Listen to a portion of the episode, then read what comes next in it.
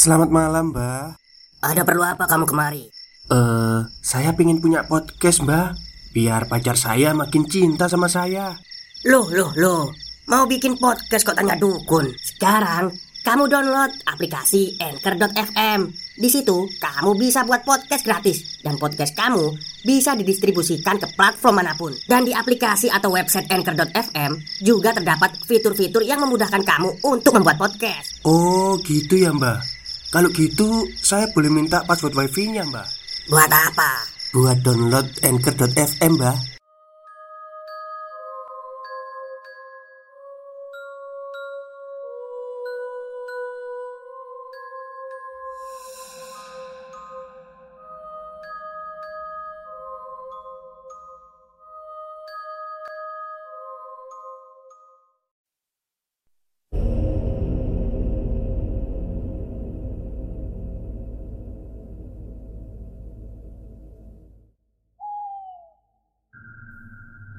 Assalamualaikum warahmatullahi wabarakatuh. Halo semuanya, jumpa lagi dengan saya Chow Sing Sing Kurator dari podcast Horror Night Story. Halo, apa kabar semuanya? Semoga kalian semua sehat-sehat ya. Dan seperti biasanya, pada siang hari ini saya kembali dan akan menghadirkan sebuah kisah mistis untuk kalian semua Kisah mistis kali ini datang dari Twitter. Saya datangkan dari Twitter ya, dari @anaklayangan. Cari aja nanti di Twitter. Di sini beliau menceritakan tentang pesugihan pocong. Namun berbeda ya dengan eh, metode-metode uh, pesugihan pocong yang lain. Biasanya kan mereka pakai ini air liurnya pocong yuk supaya masakannya enak, tapi ini beda. Oke, seperti apa kisahnya? Mari kita simak. Cerita ini berdasarkan kisah nyata yang saya dapat dari sumber di sekitar. Sesungguhnya, segala sesuatu yang terjadi pada seseorang untuk mengambil jalan pintas, pastilah ada kesulitan dalam hidupnya. Kita mungkin tidak dapat menerima apa yang dilakukan oleh orang itu, namun justru dari sinilah kita bisa ambil hikmah atas kejadian. Siang itu, warung soto Ahmadi yang ada di kota Mojokerto ramai sekali pada jam makan siang. Warung makan yang letaknya cukup dekat dari alun-alun kota Mojokerto Memang selalu penuh sesak pembeli. Mereka yang makan tidak saja dari orang-orang tua Namun ada juga dari keluarga yang muda. Bahkan anak-anak yang masih remaja juga ikut menikmati lezatnya warung soto Ahmadi. Jika sudah begitu, suasana menjadi riuh seperti pasar. Sambil makan, tidak sedikit dari pembeli yang asyik bercanda dan bertelepon ria. Bahkan ada yang berfoto-foto sambil menunggu pesanan yang belum datang. Saat potret memotret, tidak ada yang menghebohkan dan hasilnya biasa saja. Konon, justru setelah tidak berada di warung milik Ahmadi, peristiwa aneh itu baru terjadi. Saat hasil fotonya dilihat di layar, tampak ada keanehan, yaitu salah satu foto yang dipotret ternyata seperti sedang dipangku sesuatu yang aneh, berwarna putih menyerupai wujud pocong. Dari beberapa pemotretan, hanya sebuah foto yang menampakkan gambar seperti itu. Berita penampakan orang yang dipangku pocong tersebut ternyata cepat menyebar, termasuk fotonya juga menyebar dari HP ke HP yang lain. Setelah kehebohan itu, justru malah ada beberapa orang yang mengaku melihat penampakan pocong yang sedang memangku seseorang pembeli saat mereka berada di warung itu. Herannya, setelah ada peristiwa itu, justru yang lain malah ikut-ikutan menambahi. Ada lagi yang menyebutkan jika orang yang sering makan di warung tersebut bisa-bisa dijadikan tumbal pesugihan pocong. Tak menunggu waktu lama, akibat isu itu, warung makan milik Ahmadi sepi pembeli. Ahmadi yang merasa tidak melakukan apa-apa dan tidak mengetahui isu pesugihan itu menjadi heran sendiri. Hari itu, tidak ada seorang pembeli pun yang makan di warungnya. Kemarin masih ada satu dua orang, kata Ahmadi. Namun, sekarang tidak ada sama sekali yang mampir ke warungnya. Istrinya yang biasa membantu melayani pembeli sudah pulang terlebih dahulu, mungkin karena warungnya sepi. Dalam hati, lelaki ini terus bertanyakan, "Ada apa ini?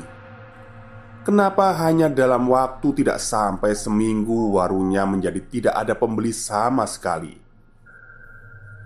Malam itu, sebelum menutup warungnya, Ahmadi sudah bertekad untuk mencari tahu jawabannya.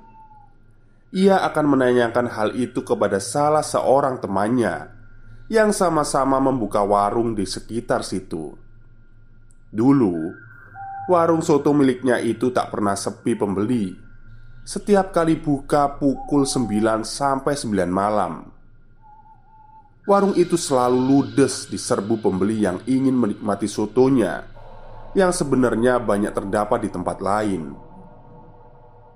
Warung soto milik Ahmadi seolah menjadi ciri khas kota Mojokerto saat itu. Orang-orang dari luar kota Mojokerto juga banyak yang mengenal dan suka makan di warung sotonya Jika kebetulan melintasi kota onde-onde ini Di samping rasanya yang memang enak Harganya juga terjangkau Begitu rata-rata alasan pelanggannya menjelang malam sekitar pukul 9 malam Ahmadi menutup warungnya. Dia menyempatkan keluar sebentar untuk menengok ke kanan ke kiri. Barangkali saja ada calon pembeli. Tapi malam itu memang kelihatannya tidak ada seorang pun yang akan mampir ke warungnya. Ia melihat beberapa warung yang menyediakan menu lain selain soto telah tutup dan hanya warung milik Tono, penjual sate ayam yang masih buka. Dengan sabar, ia yakin tidak akan membuat hatinya semakin gelisah malam itu. Usai menutup warungnya, Ahmadi mendatangi Pak Tono, penjual warung sate ayam yang masih satu deretan dengannya. Ia berkeluh kesah pada temannya itu yang asalnya dari Madura tentang warungnya yang tiba-tiba menjadi sepi pembeli. Jadi, kamu sendiri belum mendengar tentang isu mengenai warungmu itu, Di? Tanya temannya tersebut Belum Emangnya ada apa, noh? Tono akhirnya menceritakan apa yang didengarnya secara terperinci Mulai dari foto seorang yang katanya dipangku pocong Sampai warungnya yang sewaktu-waktu bisa minta tumbal Tak hanya bercerita, Tono juga menunjukkan gambar seorang gadis yang katanya di pangku pocong itu. Mendengar cerita itu, Ahmadi hanya geleng-geleng kepala sambil sesekali menarik nafas dalam-dalam. Tapi saat ditunjukkan gambar gadis yang katanya di pangku pocongan, Ahmadi kurang yakin jika gambar itu diambil di warungnya. Sebab latar belakangnya tidak jelas dan bisa saja foto itu hasil rekayasa. Seperti foto-foto artis yang sering didengarnya di berita infotainment dan televisi. Ia yakin bahwa isu itu dihembuskan seseorang yang tidak senang pada warungnya. Tapi siapa orang itu yang tega melakukan hal ini. Stop, stop. Kita break sebentar. Jadi gimana? Kalian pengen punya podcast seperti saya? Jangan pakai dukun, pakai Anchor. Download sekarang juga. Gratis. Malam itu, dengan perasaan galau, Ahmadi pulang ke rumahnya yang tidak terlalu jauh dengan berjalan kaki. Barang dagangannya ditinggalkan begitu saja di warung tanpa ada yang dibawa pulang. Seperti biasanya, ia masuk ke dalam rumahnya yang sudah sepi dan pintunya tidak terkunci. Mungkin istri dan anaknya yang sudah berumur tujuh tahun sudah ketiduran, sehingga lupa mengunci pintu kamar. Batin lelaki ini, tapi sampai di ruang tengah dan di dekat kamar yang biasa digunakan untuk menaruh barang-barang, Ahmadi mendengar sesuatu yang aneh. Suara itu lirih sekali, tapi ia seperti mengenali siapa yang mengucapkan kata-kata yang berulang-ulang itu, menyerupai pembacaan mantra. Kadang jin mayit, kadang jin mayit, kadang jin mayit. Begitu kalimat itu terdengar sampai berkali-kali. Tiba-tiba saja datang hembusan angin yang entah dari mana asalnya. Ahmadi yang sedang mendekati ruangan itu sampai dibuat merinding bersamaan dengan datangnya tiupan angin tersebut. Sementara itu, dari dalam kamar, Ahmadi masih mendengar suara yang mengucapkan mantra berulang-ulang kali itu. Tiba-tiba lagi terdengar suara seperti benda jatuh. Setelah itu, suasana kembali sunyi. Ahmadi memberanikan diri untuk mengintipnya.